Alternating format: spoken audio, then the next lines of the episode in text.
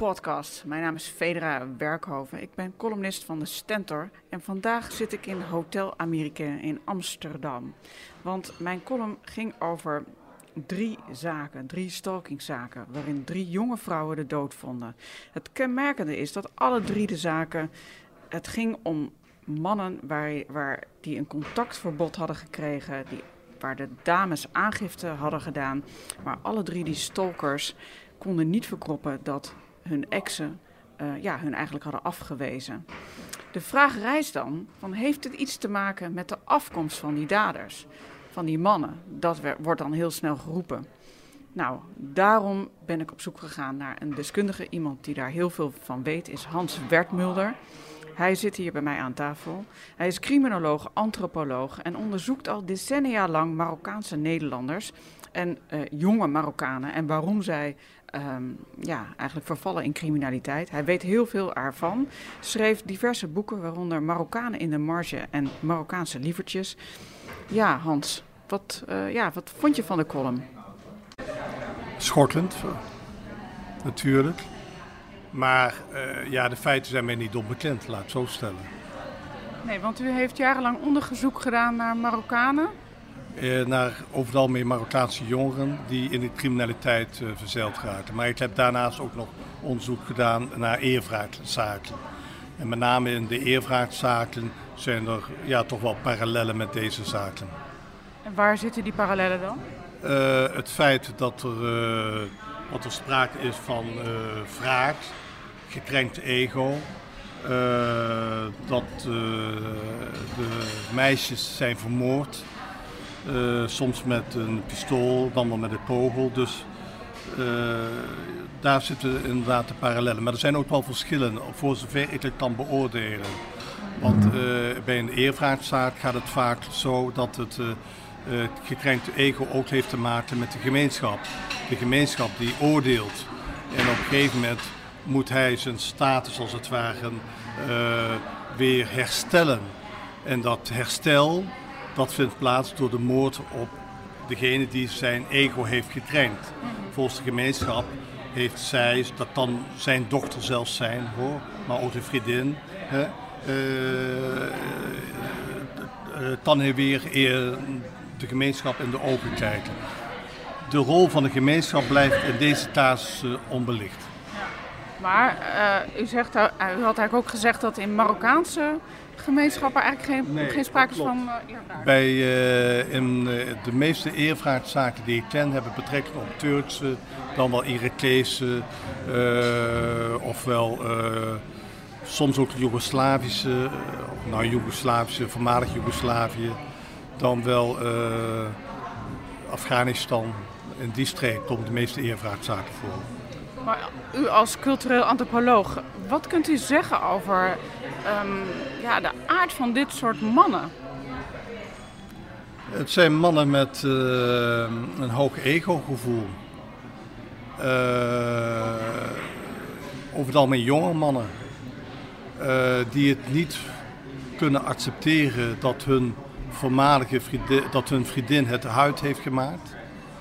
Die dat niet kunnen verkroppen. En, en, en uh, ja, toch om door, daardoor een beetje het lachertje zijn geworden in de groep. een meisje heeft jou verlaten. Ze beschouwen vaak ook uh, een vriendin, een meisje of een vrouw als hun bezit. Dus uh, ze moeten iets doen. Ze moeten iets doen. Willen ze dat, dat ego als het ware weer, weer naar boven halen. En ehm, en ja, voor sommigen is dat, ze proberen in eerste instantie op allerlei mogelijke manieren weer contact te herstellen. Maar als een meisje blijft weigeren, ja, dan uh, denken zij van nou, de enige oplossing is nog uh, om haar om te brengen. Ze zal niet gelukkig worden. Nee, want dat ligt er een beetje achter van, uh, als ik jou niet krijg, dan niemand niet. Dan niemand, ja, ja dan niemand. En de zaak wordt nog verergerd als zij een relatie met een andere man heeft dan uh, speelt dat ego dan, dan ook wel eens uh, de nieuwe vriend een slachtoffer worden. Van, uh, van, de, van de man die verlaten is. En is dat dan iets wat specifiek, denkt u, is toe te schrijven aan bepaalde culturen? Of zijn er ook Nederlandse mannen die dit, dit soort dingen doen? Uh, ik ken geen Nederlandse mannen die dit soort dingen doen. Hoewel ik uit wel eens heb gehoord dat er ook bepaalde Nederlandse mannen uh, hun een ex-vriendin hebben vermoord.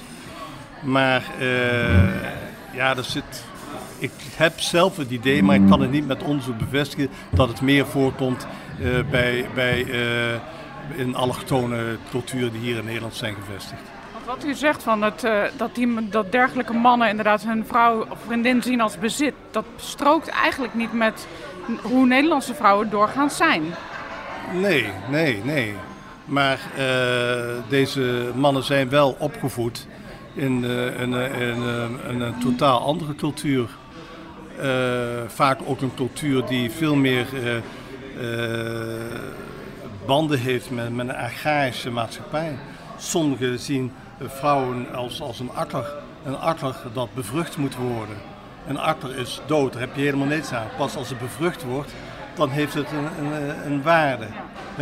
Dus eh, als je wordt opgevoed in dat soort stramien, dan hebben vrouwen toch een heel andere waarde dan, uh, dan wij aan, aan een liefdevolle relatie eh, van verwachten. Maar waarom zouden dat, dat soort mannen dan toch kiezen voor een Nederlandse... Of nou ja, Humera was natuurlijk een Turks meisje, was sowieso nou, heel jong. Uh, vanwege de sets. Meisjes uh, in het algemeen uh, zijn Turks of Marokkaans of sowieso allochtone vrouwen wat terughoudender met seks. dat is natuurlijk een, een, iets wat, wat een belangrijke rol speelt. En ja, sommigen zien het ook als een, een, eh, om het heel oneerbiedig te zeggen, van een soort voorfase voor een huwelijk met een Marokkaanse of Turks echtgenoot. Een, een soort experimenteren met, met seksuele en seksuele relaties. Want je zegt eigenlijk van uh, een, een relatie tussen Marokkaanse of um, nou ja, zo'n intercultureel huwelijk. Dat, die, slagen niet, die slagingspercentage ervan is niet heel hoog. Het slagingspercentage is niet zo hoog. Ook als ze inmiddels als ze getrouwd zijn, blijkt dat, er een, uh, dat de scheiding over het algemeen vrij hoog is. En dat heeft ook met uh, het idee van opvoeding te maken. Op het algemeen denken Turkse mannen op een andere manier uh, over hoe je kinderen moet opvoeden dan, dan de Marokkaanse echtgenoten. De rol van de familie speelt een veel belangrijke rol in dit soort relaties. Dus die bemoeien zich er ook mee. Uh, en daar laat de man zich ook door beïnvloeden. Dus een, een, een, Nederlandse vrouw komt dan alleen te staan tegenover de familie. En ja, op een gegeven moment dan, dat, uh, dan daaruit een scheiding volgen. En dat heeft u ook inderdaad gezien? Ja, ja, ja, ja dat heb ik al vaker meegemaakt. Ja. Wat kunt u een beetje vertellen over het onderzoek wat u heeft gedaan? Uh, eigenlijk, u doet al 30 jaar onderzoek naar een bepaalde groep. Kunt u daar iets over vertellen? Nou, ik heb onderzoek gedaan, in de, ben ik begonnen in de jaren 80 naar eh, wat toen nog heette randgroep jongeren. Dat waren Marokkaanse randgroep jongeren en eh, een, een, aantal Nederlandse jongens, ongeveer vijf Nederlandse jongens. Die heb ik uh, gedurende lange tijd gevolgd. Uh, ik ben jongerenwerker geworden in een buurthuis. Op die manier heb ik de jongeren leren kennen. Op die manier heb ik de gezinnen leren kennen. Ik ben in gezinnen geweest. Ik ben naar Marokko geweest. Ben heel veel heb ik daar gelogeerd. Dus ik heb die jongeren van haven tot gort leren kennen. En ik wilde weten wat drijft hun in de criminaliteit. En op een, in een latere fase, wanneer houden ze ermee op? Ja, en? Uh, nou, ik heb, in mijn laatste boek heb ik kunnen constateren dat van de 40 jongeren die het zeer intensief hebben gevolgd, er 15 jongeren met heel veel vallen en opstaan ermee zijn gestopt. En voor de rest is het niet zo geweldig goed afgelopen. Uh, twee, drie jongens die, die zijn overleden. Er zijn een aantal jongens die schizofreen zijn geworden. Er zijn een aantal jongens die nog steeds crimineel zijn. Uh, maar dan op een wat minder hoog niveau, laat ik het zo stellen. En een bepaald aantal jongeren die niet meer crimineel zijn, maar nooit gewerkt hebben. Dus afhankelijk zijn van de uitkering, maar wel getrouwd en kinderen hebben. Maar daar rijst er niet heel erg uh, glorieus beeld op uit die groep dan. Uh, nee, nee, nee. nee. want is dat ja, waardoor is dat gekomen, denkt u? Hoe bedoelt u? Nou ja, heeft dat, heeft dat te maken met de Nederlandse maatschappij? Dat wij toch op een of andere manier niet de, die mannen hebben geholpen? Of? Nou, op een gegeven moment is, heeft justitie uh, en het hele hulpverleningscircuit is eigenlijk onvoldoende in staat geweest om die jongeren weer uh, ja, op het rechte spoor te helpen. Dat is eigenlijk het, het, uh, de andere zijde van, van de medaille. ondanks heel veel, heel veel allerlei eh, maatregelen, rechters, eh, gevangenisstraffen, hulpverleners, eh, coaches, straatcoaches, gezinscoaches, noem maar op. Uh, werkbegeleiders, heeft, heeft het niet veel zoden aan de zijde gezet. Maar ik zou dan denken, hè, wat, wat ook met deze dames allemaal aan de hand is geweest, die hebben ook aan verschillende bellen getrokken. De mannen hebben contactverboden gekregen, ze, hebben, ze liepen bij de reclassering. er zijn allemaal mensen omheen. Politieagenten hebben de boel in de gaten gehouden. Maar de mannen waren niet te stoppen. Ja. Ze zijn niet te helpen? Of wat, wat is er? Hoe eh, kan deze dat? Deze mannen zijn niet te stoppen. Omdat ze vast bezeten zijn om wat ze in hun hoofd hebben ten uitvoer te brengen. En dan helpt niets meer. Dan helpt geen contactverbod meer. Dan helpt geen waarschuwing meer. Het enige wat je kunt doen is ten eerste deze meisjes in veiligheid brengen in uh, Blijf van mijn lijfhuis of zelfs naar het buitenland sturen. Soms kunnen weten de mannen de uh, meisjes toch nog op te sporen in het Blijf van mijn lijfhuis, maar je maakt het in ieder geval moeilijker. Uh, het andere mogelijkheid is om die jongens te beïnvloeden via familieleden die, die wat meer, veel meer invloed hebben op, op deze man. Dat, is de, dat ze hem tot de orde roepen? Dat ze tot de orde roepen en dat ze hem ertoe weten te, te leiden dat, ze, dat hij bijvoorbeeld dat hij een relatie kreeg met een andere vrouw. Of dat ze hem zeggen van ja luister eens, met het uh, vermoorden van je ex-vriendin help je jezelf niet mee. Nee. Want het is opvallend dat al deze mannen zo rond de 30 zijn. Het zijn jonge dertigers die gewoon, nou ja, in principe, hè, je hebt nog een heel leven voor je. Ja. Uh, wat, wat, uh, wat, wat zit er in je brein als je dan denkt dat je inderdaad een, je ex moet stalken en uiteindelijk dus om het leven moet, uh, moet brengen. Vraat. Vraat. En dat is sterker dan, dan ja. wat je... Dan ratio. Ja. Vraat is emotie. Emotie. Je kunt het niet, als het ware, niet verkroppen dat jouw voormalige vriendin uh, jou heeft afgewezen en een eigen leven wilt leiden. Ja, want wat mij dan opviel, zoals bij Bekir E, dat is de, de, de, de dader van Humera's moord, uh, had een handlanger bij zich, die dus nu wordt vrijgesproken. En die man is, staat ook niet heel goed uh, op, uh, op de kaart bij de politie.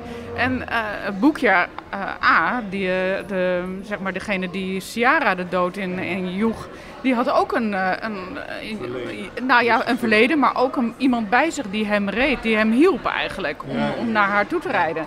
Uh, nou ja, deze waren waarschijnlijk vrienden van hem die hem hebben geholpen.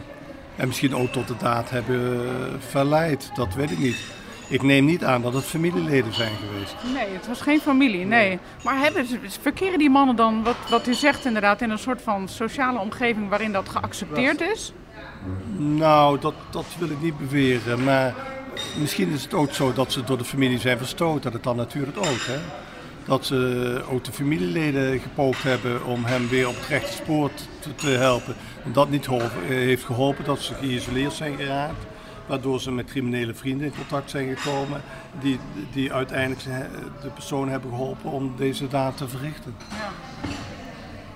Ja, ja maar als, is er dan eigenlijk niks aan te doen? Ik bedoel, we, we leven met. Uh, niet, niet iedere Marokkaan, niet iedere Turkse man zal bij een afwijzing dit doen. Nee, nee, nee, nee absoluut niet. Ik ken ook heel veel Marokkanen die, die keurige burgers zijn, die keurig getrouwd zijn, die uh, een oppassend leven leiden, die, die werken, die kinderen hebben. Dus nee, nee, zo is het niet.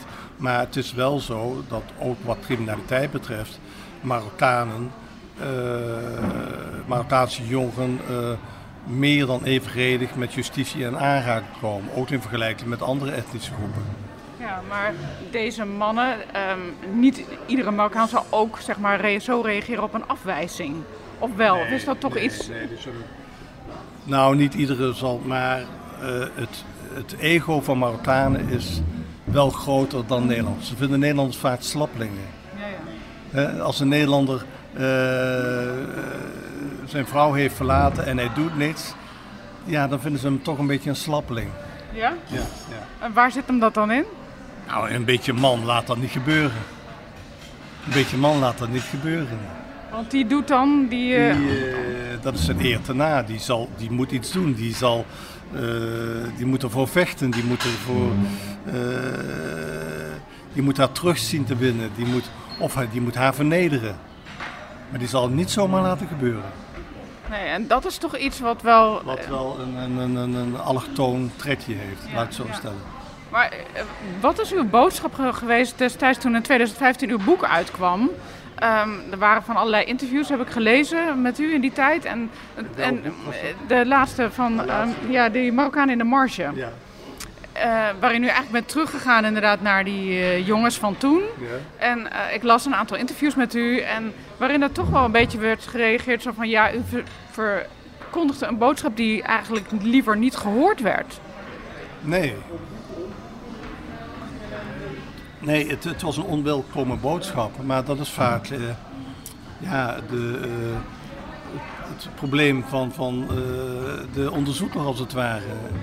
De meeste mensen willen welkome boodschappen horen. De meeste mensen willen horen dat het goed gaat, dat het, dat het prima gaat, dat, het, dat, dat die Marokkaan of Turk of wie dan ook het uitstekend doen in de maatschappij. En als je dan met een boodschap komt na zoveel jaren onderzoek, dus, wat niet meer zomaar weg te cijferen is, dan uh, ja, is dat een boodschap die men niet zo graag wil horen. Ja, onderzoekers moeten af en toe ook een onwelkome boodschap verspreiden. Want hoe heeft, hoe heeft u daar toen uh, mee gedeeld eigenlijk dan?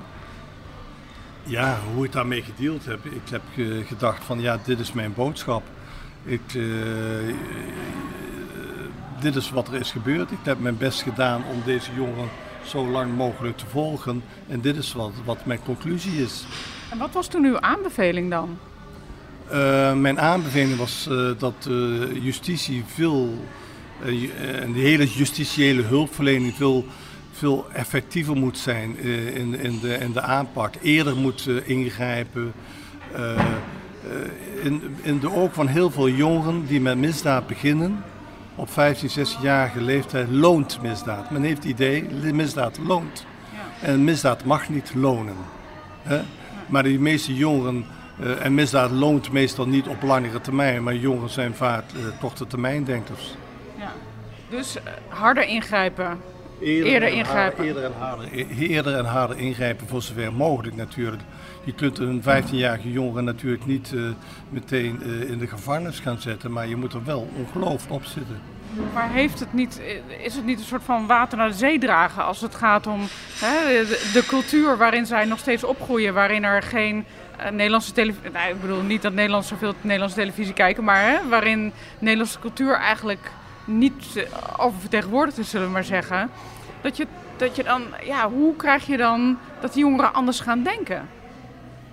Ja, hoe krijg je dat jongeren anders gaan denken? uh, onder invloed van de Nederlandse, ja, anders gaan denken.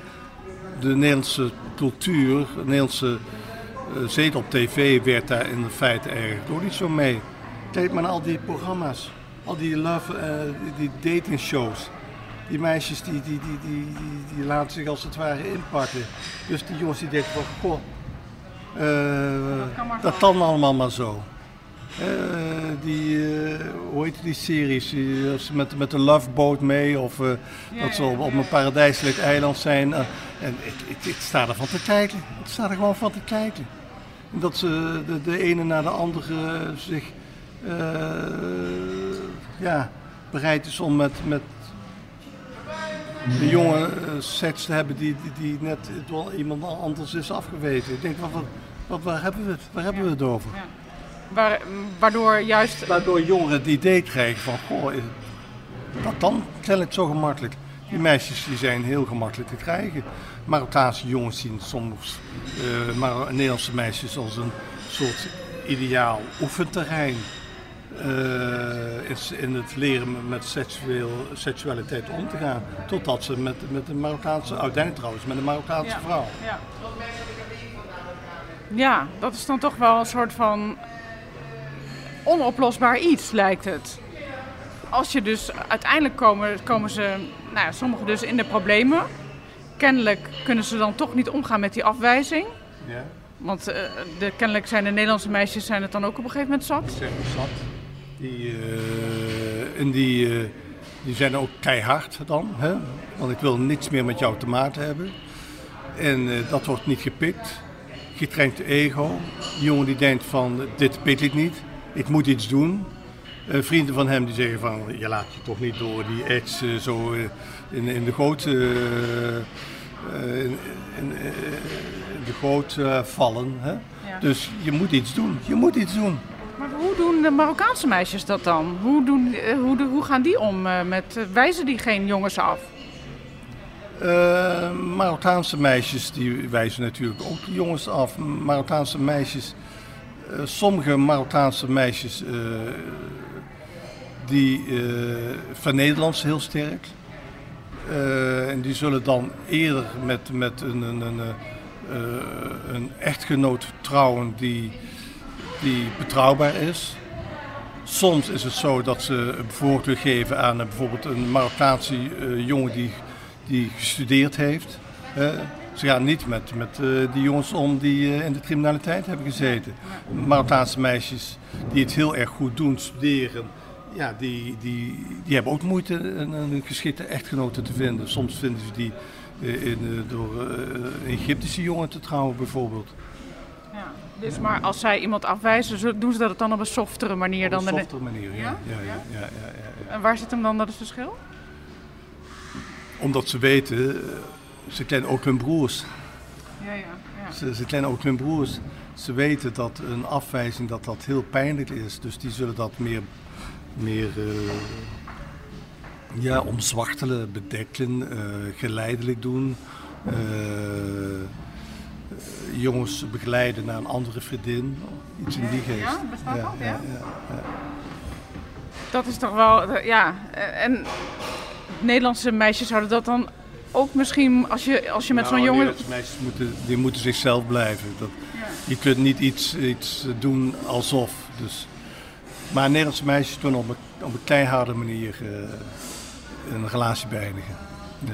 En is dat dan, eh, is dat dan de oorzaak van dat zo'n jongen inderdaad eh, compleet zijn kop verliest? Nou, de oorzaak, het werkt niet mee, laat ik het zo stellen. Het werkt niet mee. Maar de oorzaak ligt natuurlijk in de afwijzing. Ja. En hoe je de afwijzing brengt, kan een rol spelen in de reactie van een jongere. Hè? Die jongen die zal misschien eh, in huilen uitbarsten, et cetera. En dan, eh, ja, hoe reageert een meisje daarop?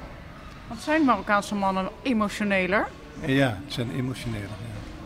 Ja. Ja. dan de stijfkoppige Hollandse... Dan, dan, de, dan de Hollandse jongens. Ja. Ja, ja want ehm, die meiden, ehm, wat, hoe, hoe, moet, hoe moet dat nu dan verder? Wat kunnen we daaraan doen? ja, wat kunnen we eraan doen? We moeten die meisjes in bescherming nemen, natuurlijk. Ja. Eh, het mag niet zo zijn dat, eh, dat deze meisjes eh, ja, gemakkelijk zijn op te sporen en, en, en, en door, de, door die ex-lovers en gedood kunnen worden. Dus die moet die meisjes in bescherming nemen. En het enige wat ik als mogelijkheid zie is een, een opvanghuis, een eh, eh, eh, vrou- eh, ja, vrouwenopvanghuizen, weg uit de omgeving waar die meisjes zijn opgegroeid. Hetgeen heel erg moeilijk is natuurlijk. Ja, ja, want dan kun je niks meer doen. Dan ben je Nee, gewoon... je bent geïsoleerd van de ja, familie. ja. En, en de familie is ontzettend belangrijk. Maar zou er niet ook een taak zijn om die mannen, die jongens gewoon op te voeden in een ander vrouwbeeld? Dat gewoon hier... eh, dat, ja, u moet lachen, maar... ja. Eh, nou, dat andere vrouwbeeld wordt natuurlijk, dat vertelde ik net, dat wordt natuurlijk niet gemakkelijk gemaakt doordat ze, wat ze steeds op de tv zien. Nee, nee, nee, oké. Hè? Ja, Ja, maar dan nog, maar niet iedere vrouw is natuurlijk zo. nee, nee, nee. Maar soms hebben ze dat idee wel. Ik ken op een gegeven moment uh, heb ik dus een jongen, keer een jongen, uh, zo'n advocaat, uh, die had een advocaat en die vroeg van, van heeft hij ook meerdere, meerdere relaties? Of, Wacht even, wie vroeg dat? Een jongen die had een advocaat, Ja, ja. een vrouw had een advocaat. En op een gegeven moment vroeg hij van, heb je ook meerdere vrienden? Oké. Ja. En toen vroeg die advocaat, hoe kom je daarbij? Nou ja, zo zijn toch alle Nederlandse vrouwen? Bizar. Maar die jongens zitten toch ook op Nederlandse scholen? Ja. Ja, ze zitten op Nederlandse scholen, maar, maar kennelijk eh, hel- helpt dat niet hun vrouwbeeld eh, te wijzigen. Nee. En bovendien, eh, ja, wat voor scholen zitten ze? Een LTS, of nou LTS bestaat niet meer, maar goed, ze, ze- ze trekken vooral op met, met, met, met jongens. Kijk, maar eens, als je op een schoolplein, k- kijk eens om je heen. Je ziet heel weinig gemeentegroepen. En wa- wat dat betreft zie je ook heel weinig eh, gemeentegroepen eh, Turken gaan over het algemeen met om, Marokkanen met Marokkanen, Irakezen met Irakezen. En dan spreken ze ook nog de eigen taal. Dat maakt het ook nog gemakkelijk. Maar dat maakt het ook gewoon dat, er, dat we eigenlijk een hele sombere conclusie moeten trekken. Eh, nou ja, een sombere conclusie. Ja, een som, eh, nou ja, de conclusie is dat we dit niet over ons kant moeten laten gaan. Dat er iets moet eh, gedaan worden. En, en, en ja, dat is mijn conclusie. Dat is al jaren mijn conclusie. Ik heb al in begin jaren 80, eh, of nee, begin jaren 90 gezegd van, van dit, dit gaat niet goed. Dit, we moeten deze jongeren begeleiden, justitieel begeleiden, eh, eerder, eerder aan de bel trekken, de ouders erbij betrekken, eh, eh, zorgen dat ze aan werk worden geholpen. Hè? En eh, werk, wijf, hè? Ja. echtgenoot Ja. hè? en een woning zijn, zijn de belangrijkste ingrediënten die de reclassering toepast bij het jongeren weer op het rechte pad brengen. Ja. En daar voeg ik zelf aan toe, kinderen. Ja? Ja? ja. Kinderen Waarom? zijn ook belangrijk. Omdat eh, ja, kinderen eh, een hele emotionele band geeft. Ja, kinderen, eh, kinderen zijn echt belangrijk omdat zij het idee hebben van nou, ik heb een... mensen gaan ook minder gauw scheiden als er kinderen zijn in het gezin. Ja. Kinderen geeft houvast, net zozeer als werk. ja. Dus wat dat betreft, eh, nou ja, is dat en dus de meisjes beter beschermen. Al is dat natuurlijk in al deze gevallen geprobeerd en heeft het niet Dat geholpen. heeft eh, niet veel geholpen, ja. ja, ja. Het opvallende is dat er wel twee Nederlandse meisjes erbij zijn betrokken. Ja. Ja. Ja, ja, ja. ja, dat was mijn hele eh, verbazing inderdaad over, nou ja, dat er zoveel om hun heen is. Ge, hè, dat, dat Humera, het Turkse meisje, werd door haar vader naar school gebracht omdat Ja. ze bang was. Je kan zo'n meisje niet in een opvanghuis zetten. Nee. eh. is, Nee, maar die, eh, die vader, die, eh, ja, die, die, het is mogelijk dat die vader ook weer wraak zal nemen. hè. ja.